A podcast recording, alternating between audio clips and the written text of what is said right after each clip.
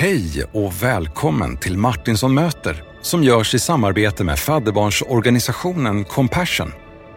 Compassion befriar 2,1 miljoner barn från fattigdom genom drygt 8 000 lokala kyrkor i 25 länder.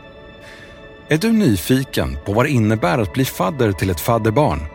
Då kan du läsa mer på compassion.se där du också kan signa upp dig direkt för 310 kronor i månaden. Gör det! Nu till dagens avsnitt där vi i väntan på nästa säsong får ta del av bibelundervisning.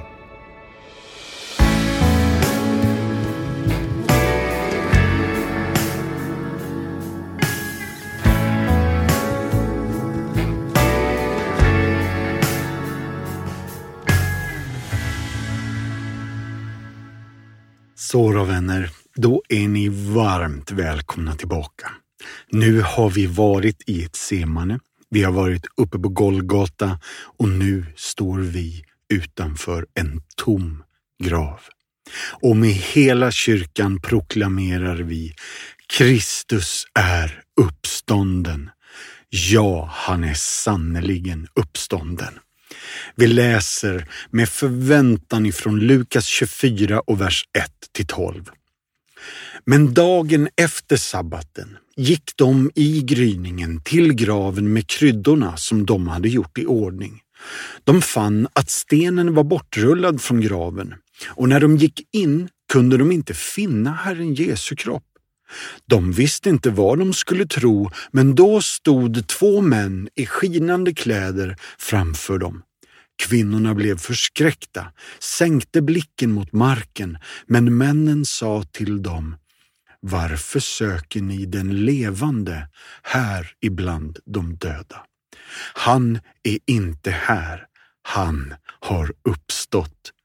Kom ihåg vad han sa till er medan han ännu var i Galileen, att Människosonen måste överlämnas i syndiga människors händer och korsfästas och uppstå på tredje dagen. Då kom de ihåg hans ord. Och när de hade återvänt från graven så berättade de allt sammans för de elva och alla de andra.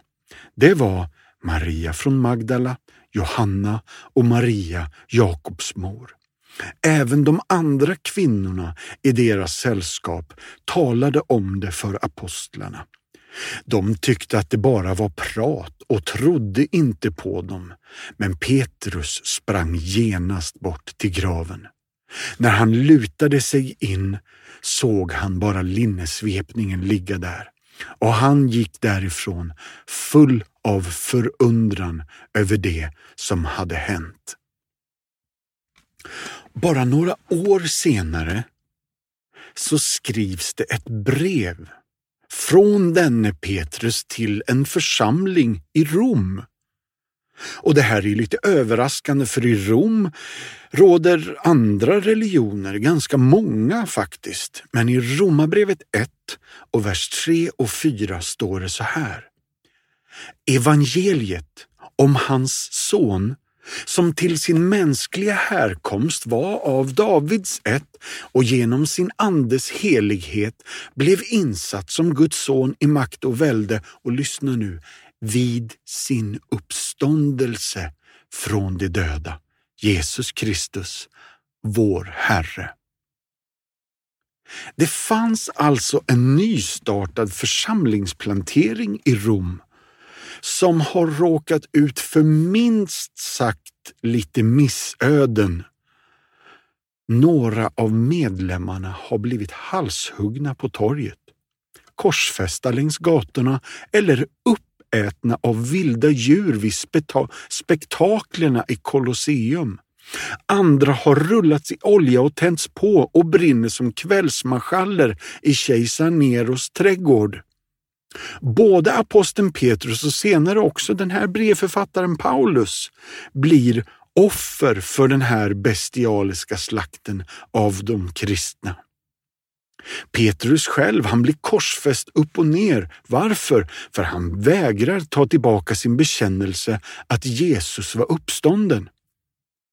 Det är alltså samma Petrus som förnekar att han ens kände Jesus och påhoppet kom från en enkel tonårsflicka utanför Jesu egen rättegång. Vad är det som ger Petrus detta nya mod? Var fick han luft ifrån? Har han ändrat sig för en lögn? Skulle denne Petrus förnekaren verkligen ha dött för en död man som fortfarande låg grav Eh, eh, som fortfarande låg kvar i en grav någonstans på Jerusalems bakgator. Skulle församlingen i Rom råka ut för alla dessa missöden på torget och korsfästningar och uppätna och tänka att ja, ja, det är för den där döda killen i, i, i en grav i Jerusalem. Nej. Över alla våra dagar, över alla våra misslyckanden, över allt vi sörjer och skäms för, över all vår kamp, all vår trasighet, över alla våra tvivel och över all vår förtvivlan, över all vilsenhet och över alla våra rädslor lyser dessa ord klarast som morgonsolen. Första Korinthierbrevet 15 och 20 säger Men nu har Kristus uppstått. Det jag vill göra idag är att ge dig tio punkter om uppståndelsen och legender. Skulle kanske säga uppståndelsen kontra legender. Men ni kommer förstå mitt tänkespår eh, längs vägen här, hoppas jag. 1. Om uppståndelsen var legend, då skulle jag ha väntat länge med att publicera mina fabricerade historier. Tycker ni att lärjungarna väntade länge? Nej. Markus evangeliet skrivs direkt.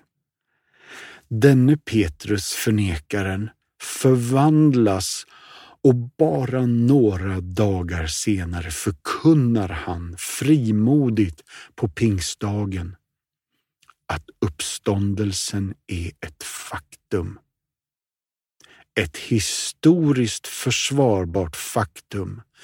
Han säger det hände här i stan och så säger han som många kan vittna om.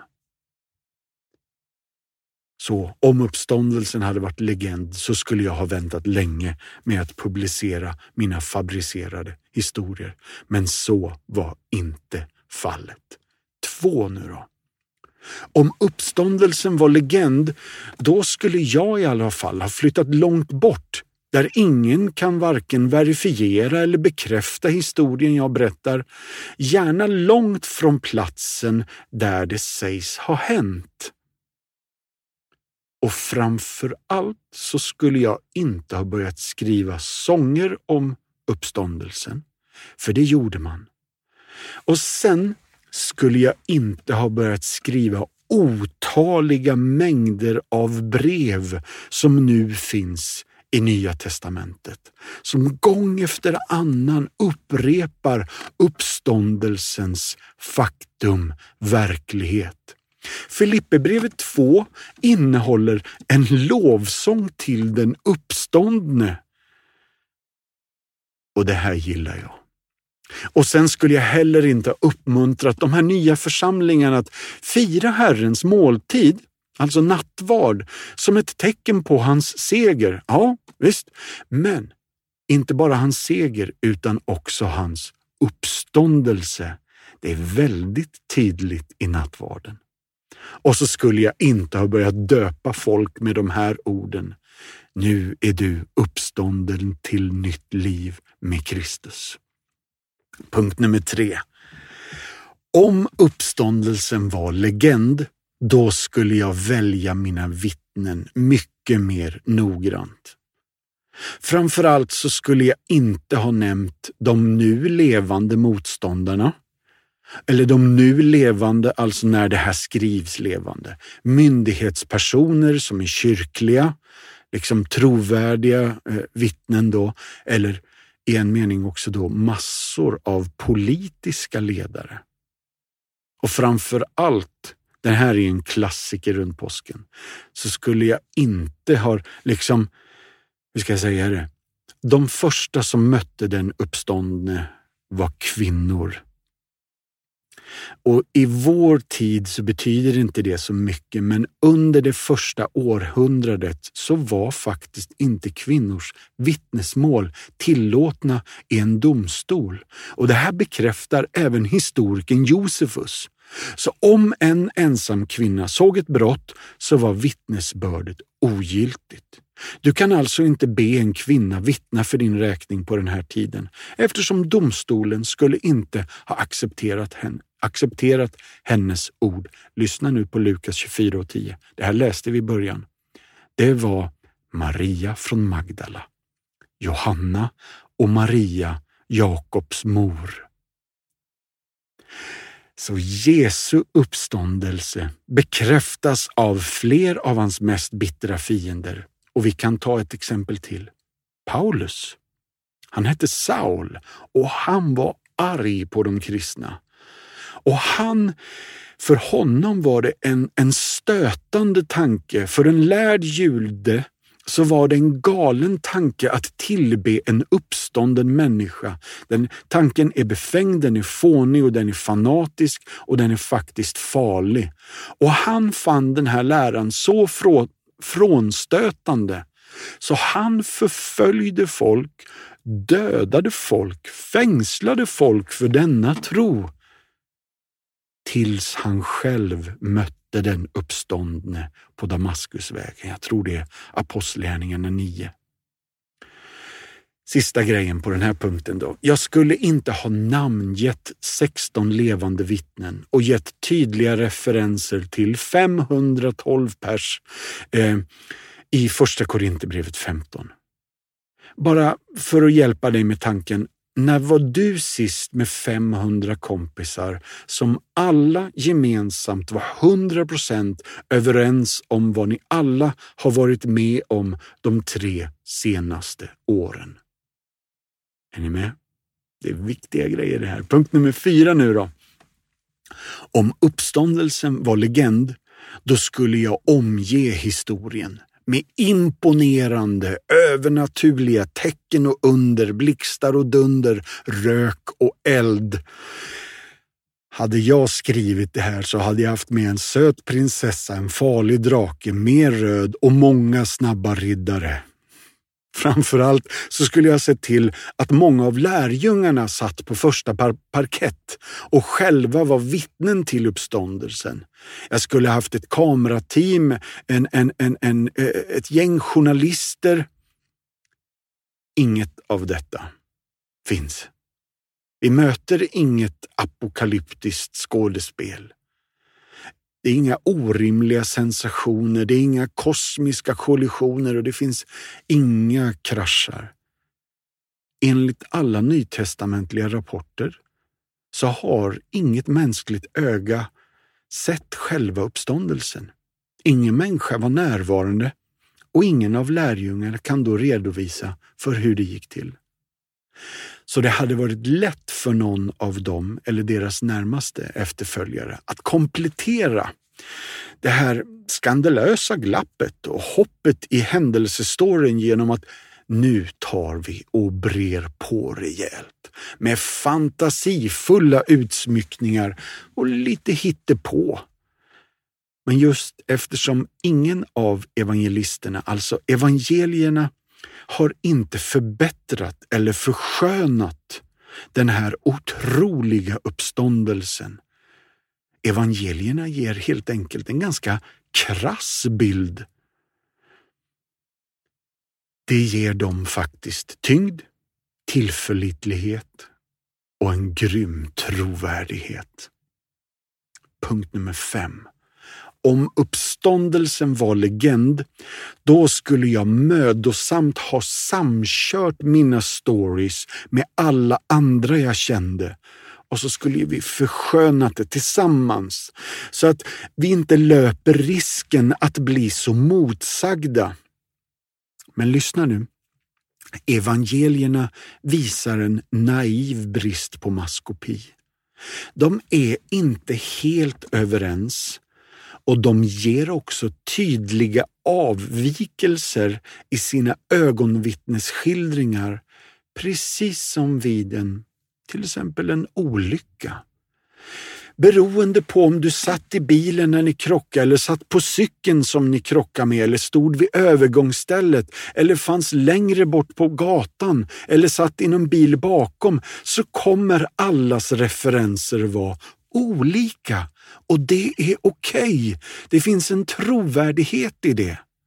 Vittnena har olika utgångspunkter, men alla vittnena är rörande överens om ett centrum. Graven är tom. Vi har sett honom live. Vi har rört vid honom IRL. Speciellt Thomas. Nu ska ni få höra. Pinchas Lapide var en judisk teolog som levde 1922 till 1997. Han var en israelisk historiker på det hebreiska universitetet i Israel. Han accepterade Jesu Kristi uppståndelse som ett historiskt faktum. Dock sa han aldrig att Jesus var hans herre, men här är ett citat från hans bok The Resurrection of Jesus. A Jewish Perspective. Om denne besegrade och deprimerade grupp lärjungar över en natt kunde förvandlas till en segerrörelse i tro, baserat enbart på självsuggestion eller självbedrägeri utan en grundmurad tro och erfarenhet, då skulle det vara ett mycket större mirakel än själva uppståndelsen.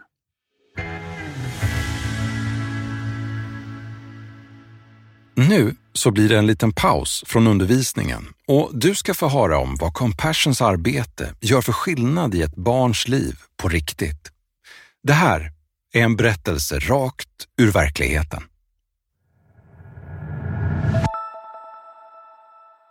Mamma, varför har inte jag normala ben som de andra barnen? Lilla Karlas fråga fick tårarna att rinna i mammas ögon. Jag kramade om henne och förklarade att Gud skapade henne alldeles speciell och vacker på alla sätt och hon tog de orden till sig, säger mamma Denia. Sedan dottern föddes med spina bifida har Denia varit orolig för om Kala ska bli retad eller orättvist behandlad på grund av hennes situation. Hon var nervös när Kala för första gången skulle gå till Compassion-centret. Hennes dotter medverkade i Compassions fadderprogram. Det har gjort att hon fick specialistläkarvård, men skulle nu de andra barnen acceptera henne? Karla kom hem efter första dagen från centret och hela hon var ett stort leende.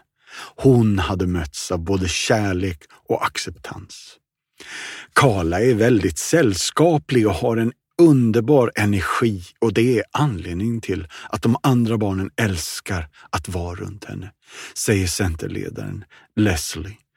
Under pauserna får Karla hjälp av sina klasskompisar som försöker köra runt hennes rullstol och inkluderar henne i alla lekar och spel. Hennes stora leende ger glädje till allas våra liv. Compassion är en fadderorganisation som har funnits i snart 70 år. Startades av evangelisten Everett Swanson när han såg hur barnen for så illa i Sydkorea. Sedan dess tar vi hand om just nu 2,1 miljoner fadderbarn. Och vi gör det genom en modell som vi kallar en till en. Så du som fadder får, kan få direkt kontakt med ditt fadderbarn. Och vårt uppdrag det hittar du i Markus 16 och 15. Gå ut i hela världen och predika evangelium för hela skapelsen. Så, som svar på missionsbefallningen existerar alltså vi i Compassion för barn i nöd för att frigöra dem från andlig, ekonomisk, social och fysisk fattigdom. Och vi vill vädja till dig. Kom tillsammans med oss och låt oss förvandla liv. Gå in på compassion.se och bli fadder idag. Nu då, punkt nummer sex. Om uppståndelsen var legend, då skulle jag beskrivit mig själv och mina eventuella medkonspiratörer mer sympatiskt. Ja, gärna på gränsen till heroiskt. Hörde ni vad vi läste förut i Lukas 24 och 11? De, alltså lärjungarna, tyckte att det bara var prat och de trodde inte på kvinnorna. Man ska inte skriva sagor som säger att hjältens bästa kompisar ballar ur, springer med benen bakom ryggen, jag säga. Speciellt inte om du skriver boken och du är hjältens bästis och det var du som sprang. För det ställer ju både dig själv och alla dina kompisar i dålig dager. Alltså, jag tänker på det här med Tippex. Att man, nej men så här kan vi inte ens skriva. Och, jo, de skrev. Evangelierna presenterar alla Jesu efterföljare. Speciellt huvudrollskillarna Petrus och Thomas i ett lite pinsamt prekärt porträtt där de är nästan uteslutande skeptiska och tvivlande i sina reaktioner. Punkt nummer sju nu då. Om uppståndelsen var legend, då skulle jag dölja gravplatsen och framför allt inte lyfta fram den som ett bevis i hela historien. Jag skulle framför allt inte nämna vart den låg som de gör i Johannes 19 och 41. Och jag skulle heller inte nämna vem som ägde den, Josef från Arimathea. Och jag skulle inte nämnt vem som bar dit kroppen, Josef från Arimathea och rådsherren Nikodemus. Han som i Johannes 3 kommer till Jesus mitt i natten. Nu har hans tro vuxit. Hans tillit till Jesus är stor. Och jag bara älskar att bibeltexten gör detta så övertydligt. Det går inte att komma undan. Punkt nummer åtta. Om uppståndelsen var legend så hade Jesu motståndare inte brytt sig om lärjungarnas skandalösa påståenden att Jesus uppstått och att graven var tom. Nu blir judarna rasande, romarna blir rädda, soldaterna ljuger, de blir betalade, de får stålar, mycket pengar för att detta till varje pris måste tystas ner. Hör ni? I Matteus 28, vers 11 till 15 så kan vi läsa om detta att lärjungarnas skandalösa påstående om att Jesus har uppstått, de försöker gjuta olja på vågorna. De försöker få till en liksom eh, nu, nu sitter vi i båten, nu lugnar vi ner oss och så tystar vi det här. Men det gick bara inte. Så gött att det inte gick också. Punkt nummer nio. Om uppståndelsen var legend då skulle jag ha försökt att krossa alla utredningar och alla sådana här CSI-undersökningar. Har ni sett CSI, tv-serien? Där de liksom, eh, gör, alltså de går igenom allt i detalj. De är med, med, med lupp och med, med lite sån här eh, hårborste och de grejar och fejar och fixar och, och de, de kollar allt. Men hade jag ljugit om uppståndelsen, ja, då hade ju jag upplevt att alla utfrågningar blir ett stort hot. Jag hade uttalat eh, eh, eh, ja, hotord över alla otroende skeptiker och så hade jag manipulerat dem med min hittepåmagi. Men istället så uppmuntrar lärjungarna utredningar, undersökningar till och med så att de uppmuntrade i sina offentliga predikningar. Paulus säger, om ni inte tror på mig, så säger han, fråga dem. Första Korinthierbrevet 15, vers 3-6. Det finns massor av vänner som lever. 500 av dem som mötte honom efter hans uppståndelse, de lever där, de bor där. De, det här är deras brevlåda. Du kan skriva brev. Jag höll säga, du kan ringa dem, men det gick väl inte. Men är ni med? Den kristna tron välkomnar skeptiker, professorer, Indiana Jones-utgrävare, analytiker. Det är välkommen. Det är välkommet och välgrundat att både det här med uppståndelsen kan utredas och undersökas.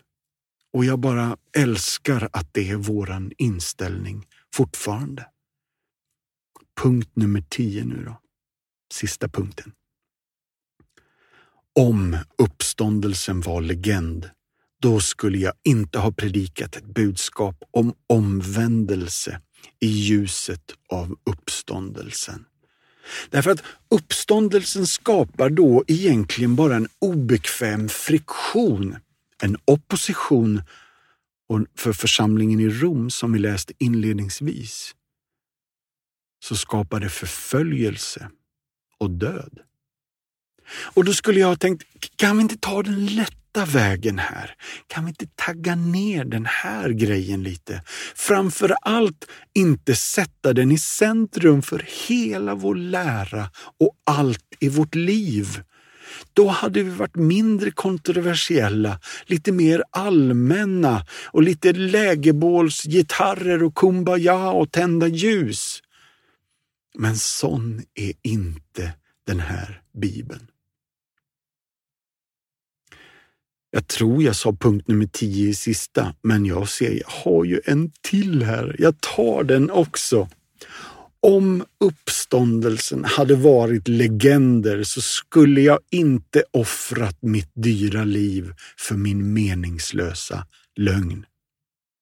Journalisten Lee Strobel har skrivit Folk kan dö för sin religiösa tro om de verkligen tror att den är sann.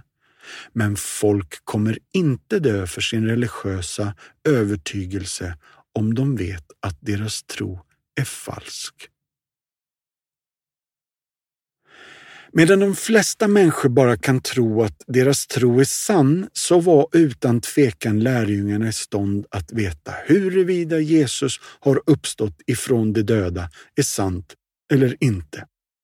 De hävdade att de har sett honom, mött honom, talat med honom, ätit middag med honom. Och sen ska jag lägga till, de har också sett honom gå genom väggar och jag älskar det här. Om de inte var helt säkra på vem det är de har mött, då skulle de inte ha låtit sig bli torterade till döds proklamerandes att Jesu uppståndelse har hänt. En pastor som heter Mark Driscoll har sagt så här. Ingen kan förbli neutral kring Jesu uppståndelse. Påståendet är för häpnadsväckande. Händelsen är för omskakande. Konsekvenserna är alltför betydande och frågan alltför allvarlig. Var och en måste antingen ta emot eller avvisa det som sanning för oss. För att förbli likgiltig eller obeslutsam, det är ju samma sak som att förkasta det. Men vi tror att det här är kyrkans epicentrum. Jag vill avsluta med att läsa Johannes evangeliet 11, 25 till 26 för er. Då sa Jesus till henne, jag är uppståndelsen och livet. Den som tror på mig ska leva om han än dör. Och den som lever och tror på mig ska aldrig någonsin dö. Tror du detta? Jag vill avsluta med att läsa välsignelsen över oss var och en. Gå ut i världen med frid. Var vid gott mod. Håll fast vid det som är rent. Löna inte ont med ont. Stärk den trötte, stöd den svage, hjälp de drabbade, hedra alla. Älska och tjäna Herren. Gläd dig i den helige Andes kraft och låt Gud den allsmäktiges välsignelse från Fadern, Sonen och den helige Ande vara bland er och stanna hos er alla, alltid. Amen. Tack för idag vänner. Vi hörs imorgon.